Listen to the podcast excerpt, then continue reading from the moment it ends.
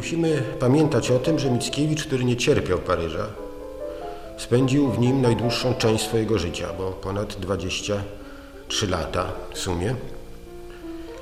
To miasto bardzo mu dokuczało, a on dokuczał temu miastu. Dlaczego Adam Mickiewicz nie cierpiał Paryża? Jak Paryż oprzedł się z nadziejami i planami poety. W końcu czym Mickiewicz odpłacał Paryżowi? Na wszystkie te pytania odpowie historyk literatury i eseista Krzysztof Rutkowski. Ilustracją do jego gawęd będą fragmenty listów wieszcza.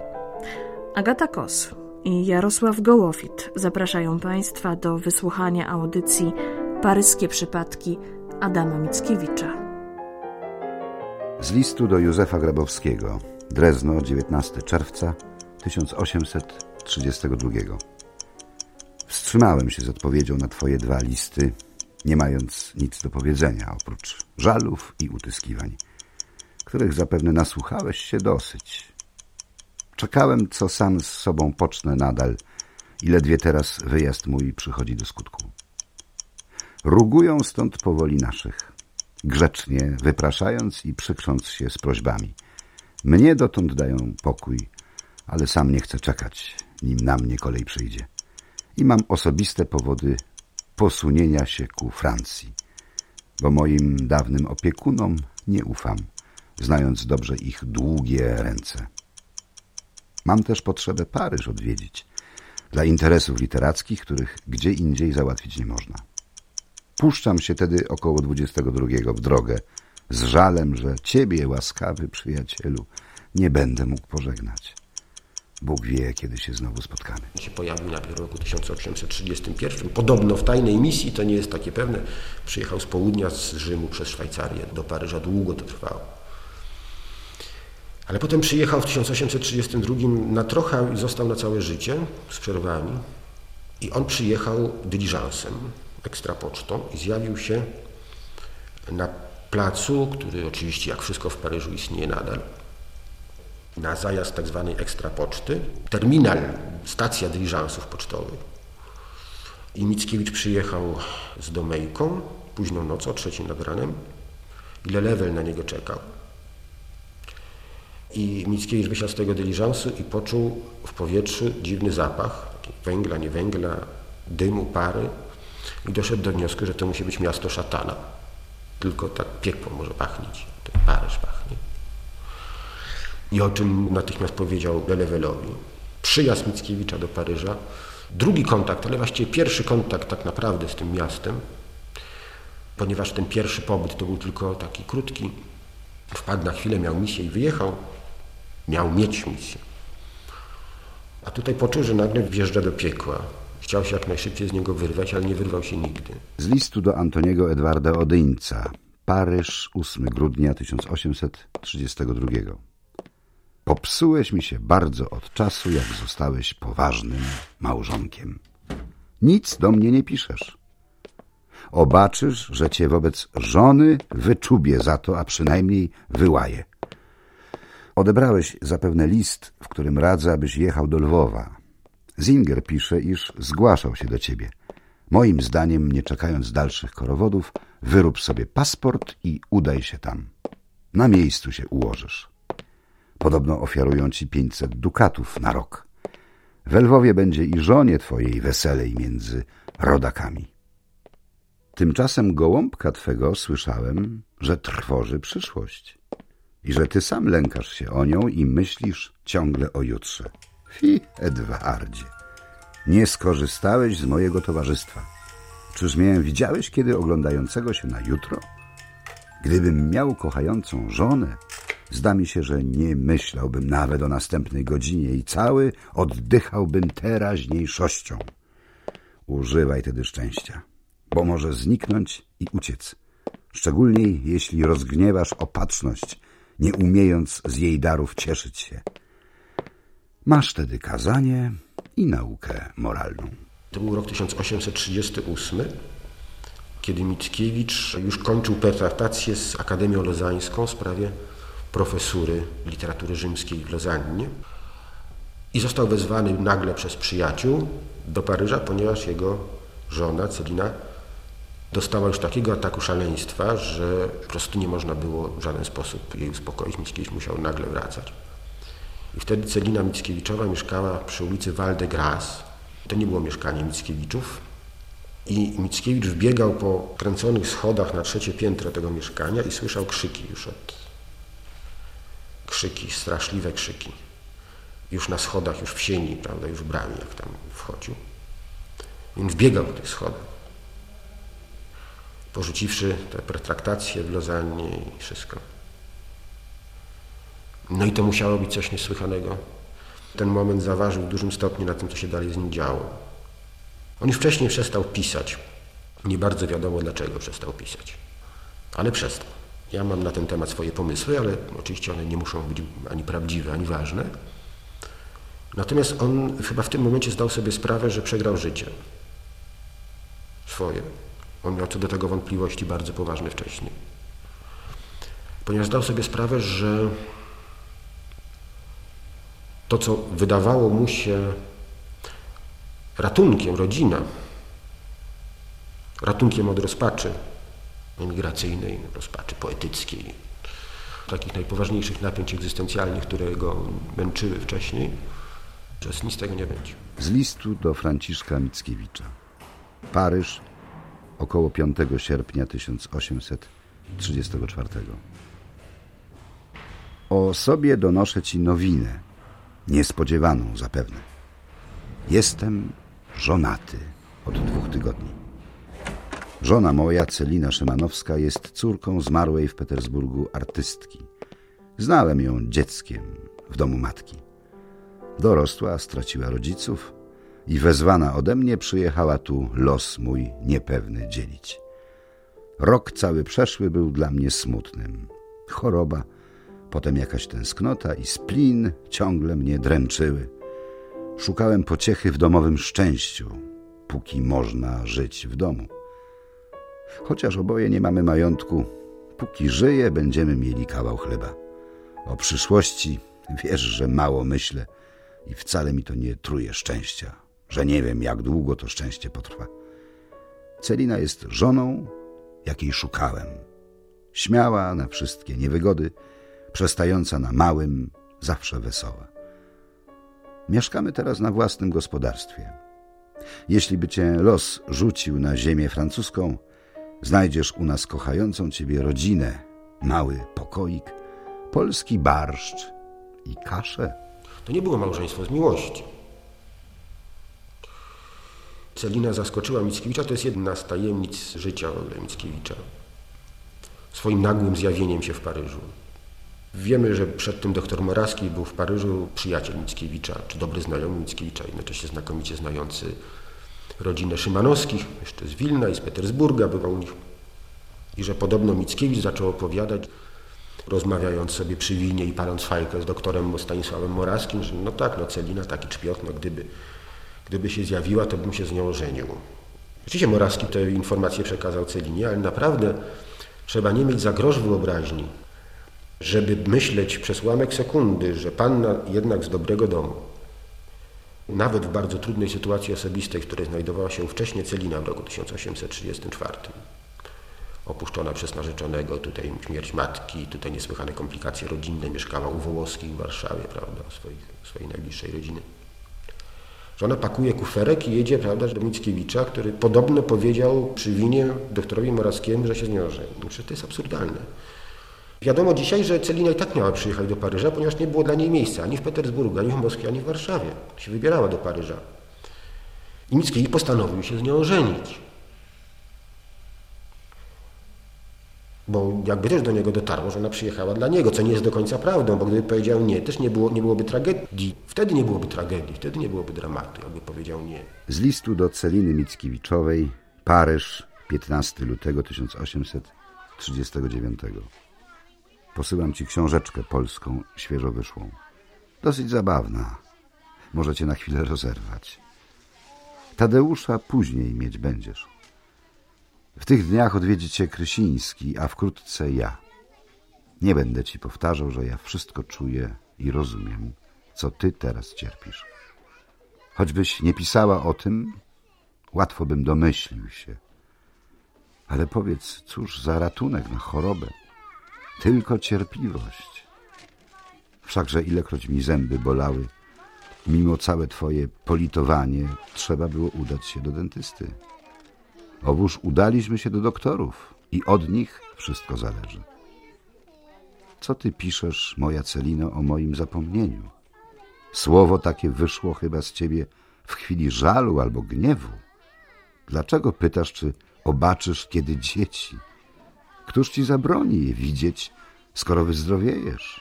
A to już tak bliskie. Dzieci zdrowe. Władzie już pełzać zaczyna. Oczko Maryni już się zgoiło. Dramat zaczął się w kilka tygodni po ślubie, kiedy się okazało, że to szczęście rodzinne jest niesłychanie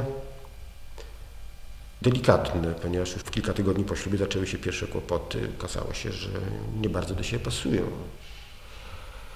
Również dlatego, że Celina była bardzo silną osobowością, jak sądzę, i nie chciała być taką potulną żoną, która tylko gotuje, zresztą źle, bo źle gotowała, ale potem się nauczyła, to Mickiewicz o tym pisał. A on ją chciał traktować, pisał o tym w listach, jak mebel, a ona nie chciała być meblem, taką maszyną do rodzenia dzieci. To była osoba niesłychanie interesująca. I ja myślę, że Mickiewicz był człowiekiem, który, to oczywiście są spekulacje, może nie warto o tym mówić, może ja nie mam prawa w ogóle o tym mówić, bo nikt nie ma prawa się z butami wmieszać w cudze życie prywatne. Ale to był raczej typ samotnika. Piekło zaczęło się wcześniej. Piekło zaczęło się wcześniej, ale on, Mickiewicz, poczuł, że znalazł się w przedsionku piekła właśnie tej nocy. W tym momencie musiał sobie zdać sprawę, że ma do czynienia, że on skupia wokół siebie szaleństwo. Jeśli on sam nie oszalał, to inni szaleją, tak jak jego żona oszalała. Mickiewicz na pewno wiedział, że powodem szaleństwa Celiny był on. I że to skupienie szaleństwa wokół jego osoby, obłędu, jest bardzo silny. Z listu do Wiktora Jundziła. Paryż, 23 lutego 1841. Władzie już kły dostał i byłby zupełnie czerstwy, gdyby nie katar, co go męczy od kilku dni. I Helenka zakatarzona. Wielka to moja faworyta i od wszystkich lubiona i poważana. My z żoną upatrujemy w twarzy Helenki jakieś podobieństwo do jej matki chrzestnej, panny Heleny. Władzie Lozannę często wspomina, a szczególniej Wiktora i dziwi się i gniewa się, że Wiktor nie przyjdzie go odwiedzić. Misia ciągle mi listy dyktuje do Antosi, ale że odpowiedzi nie może doczekać się, wnosi stąd, że listki jej giną na poczcie.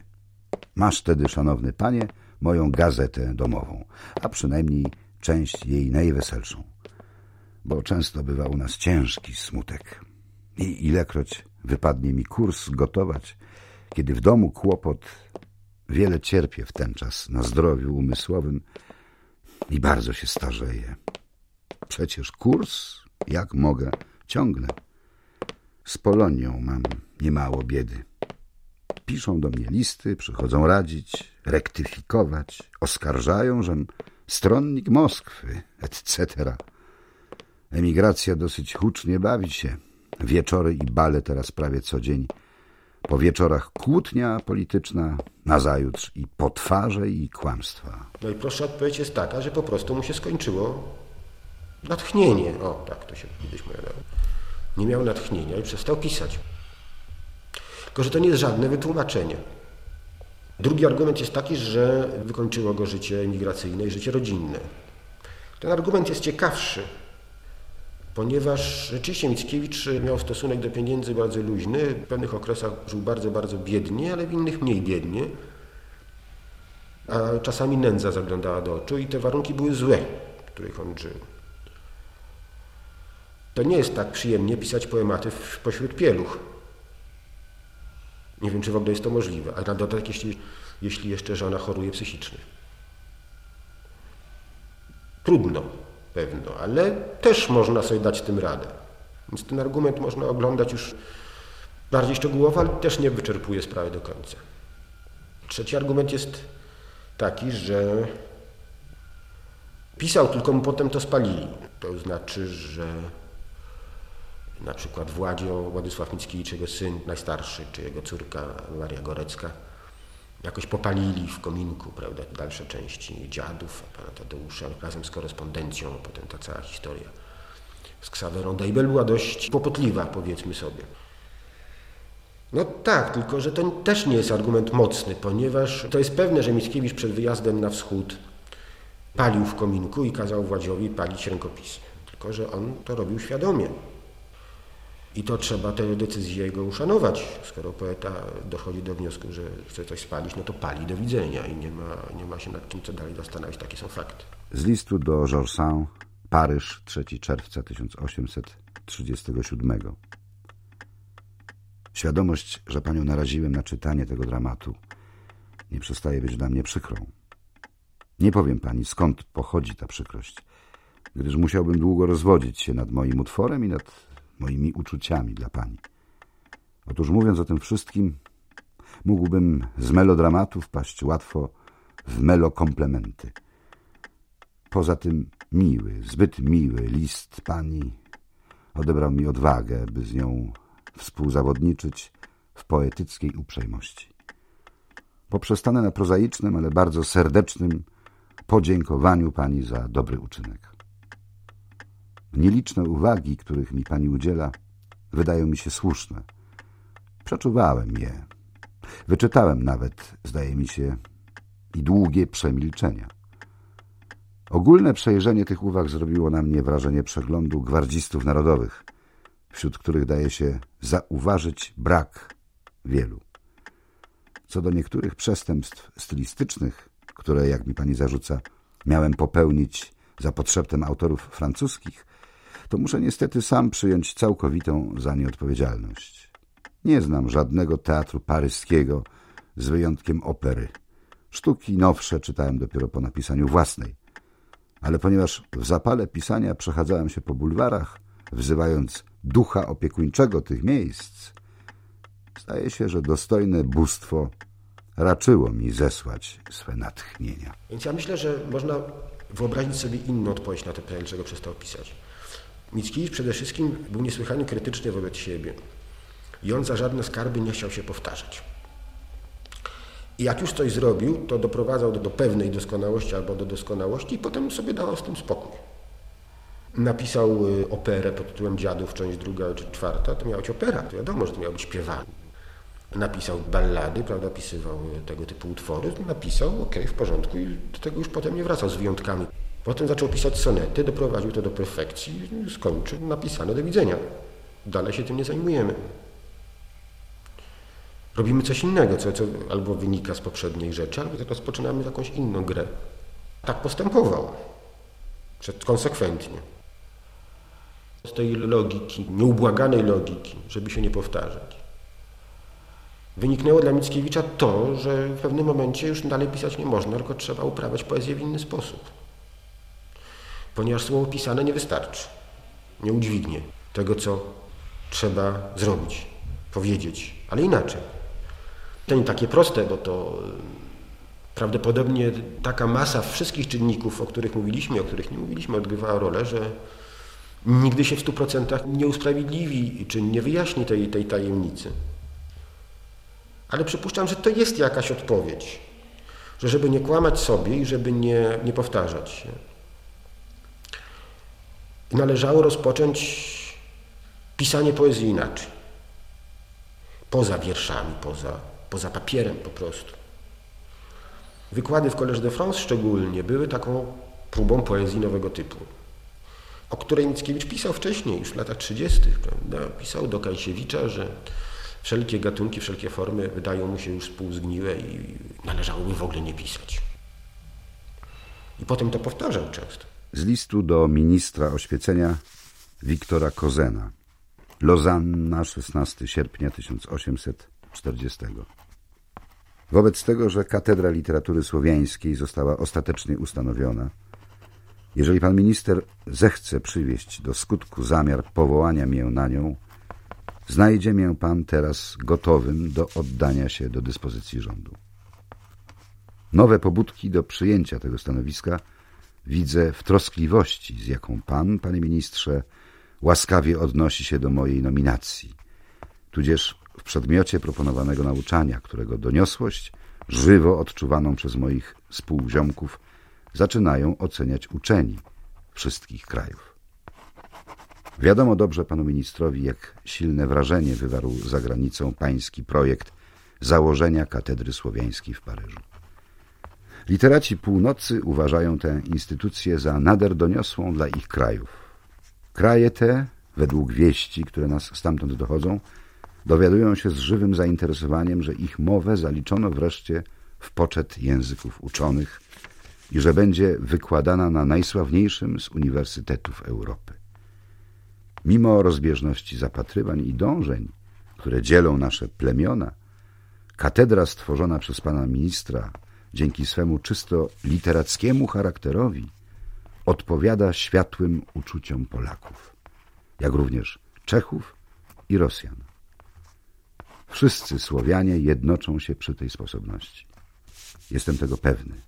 We wspólnych, wdzięcznych uczuciach dla rządu Jego Królewskiej Mości. Przez cztery lata wykładał w Collège de France jako profesor tymczasowy literatury słowiańskiej.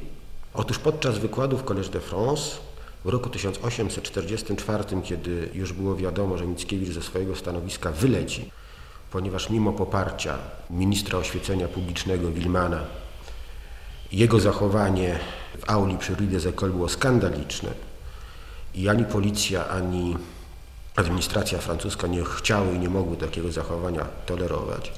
Mianowicie na jednym z wykładów odbyła się niesłychana heca. Na jednym z ostatnich wykładów, mianowicie Mickiewicz rozrzucał litografię Napoleona w welonie.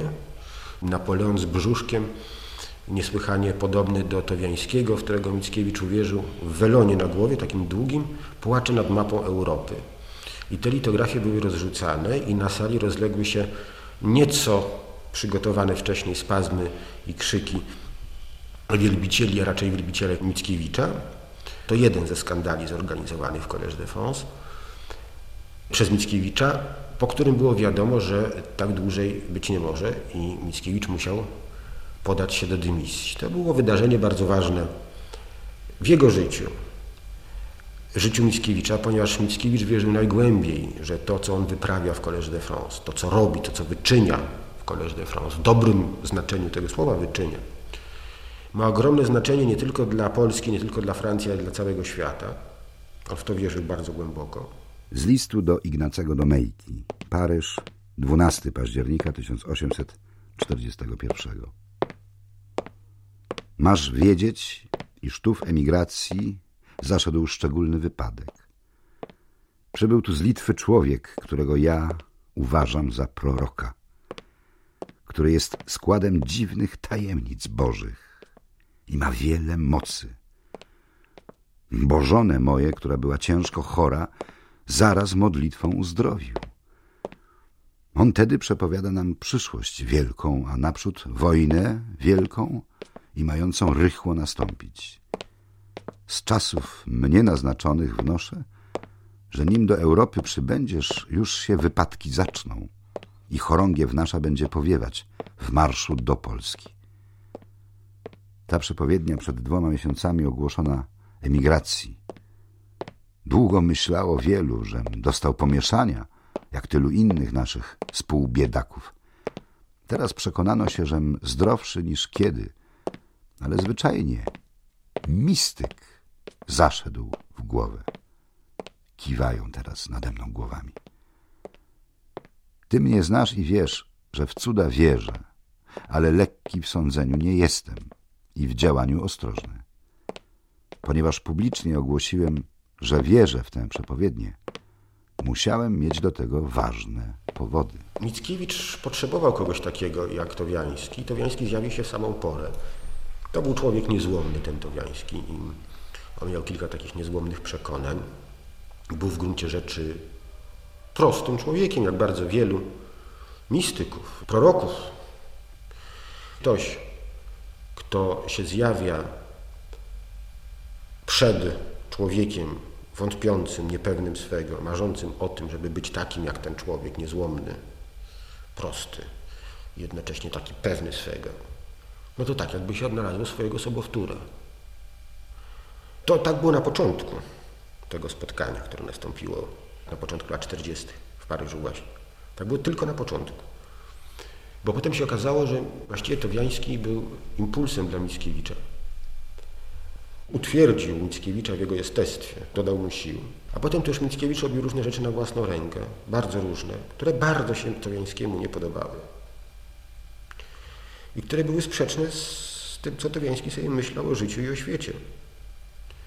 Za co Towiański bardzo Mickiewicza znielubił. Twierdził, że wszystko, co się dzieje, to jest dobrze, że tak się dzieje. Że należy doskonalić się wewnętrznie pod warunkiem, że się będzie posłusznym Towiańskiemu. No i w porządku. I trzeba tak się doskonalić. Cokolwiek człowieka w życiu spotyka, czy spotyka go dobro, czy też zło, to widocznie tak ma być. Należy z tym się pogodzić. Natomiast Mickiewicz postępował dokładnie odwrotnie, to znaczy on sądził, że i tak postępował. Że to, co jest, to nie jest dobrze. To, co się dzieje, nie jest wcale dobre. I że trzeba to wszystko zmienić. I to radykalnie zmienić. No, Xavera Deipel to była ofiara swoich własnych ambicji, takich mechanizmów sekciarskich, które powstały w kole sprawy Bożej. To była bardzo ambitna osoba i pojawiła się w kole sprawy Bożej, w kręgu Mickiewicza i w kręgu Towiańskiego. Ona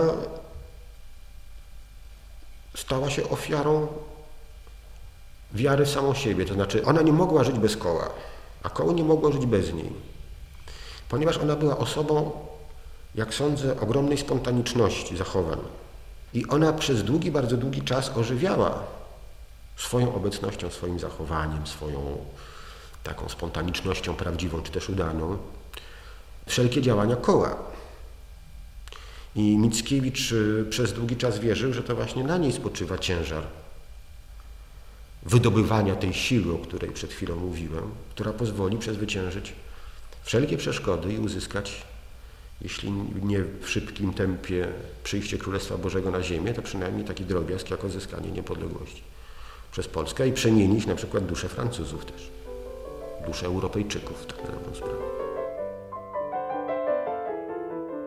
27 marca 1846 roku odbywa się decydująca rozmowa Adama Mickiewicza z Andrzejem Towiańskim, która doprowadza do formalnego zerwania.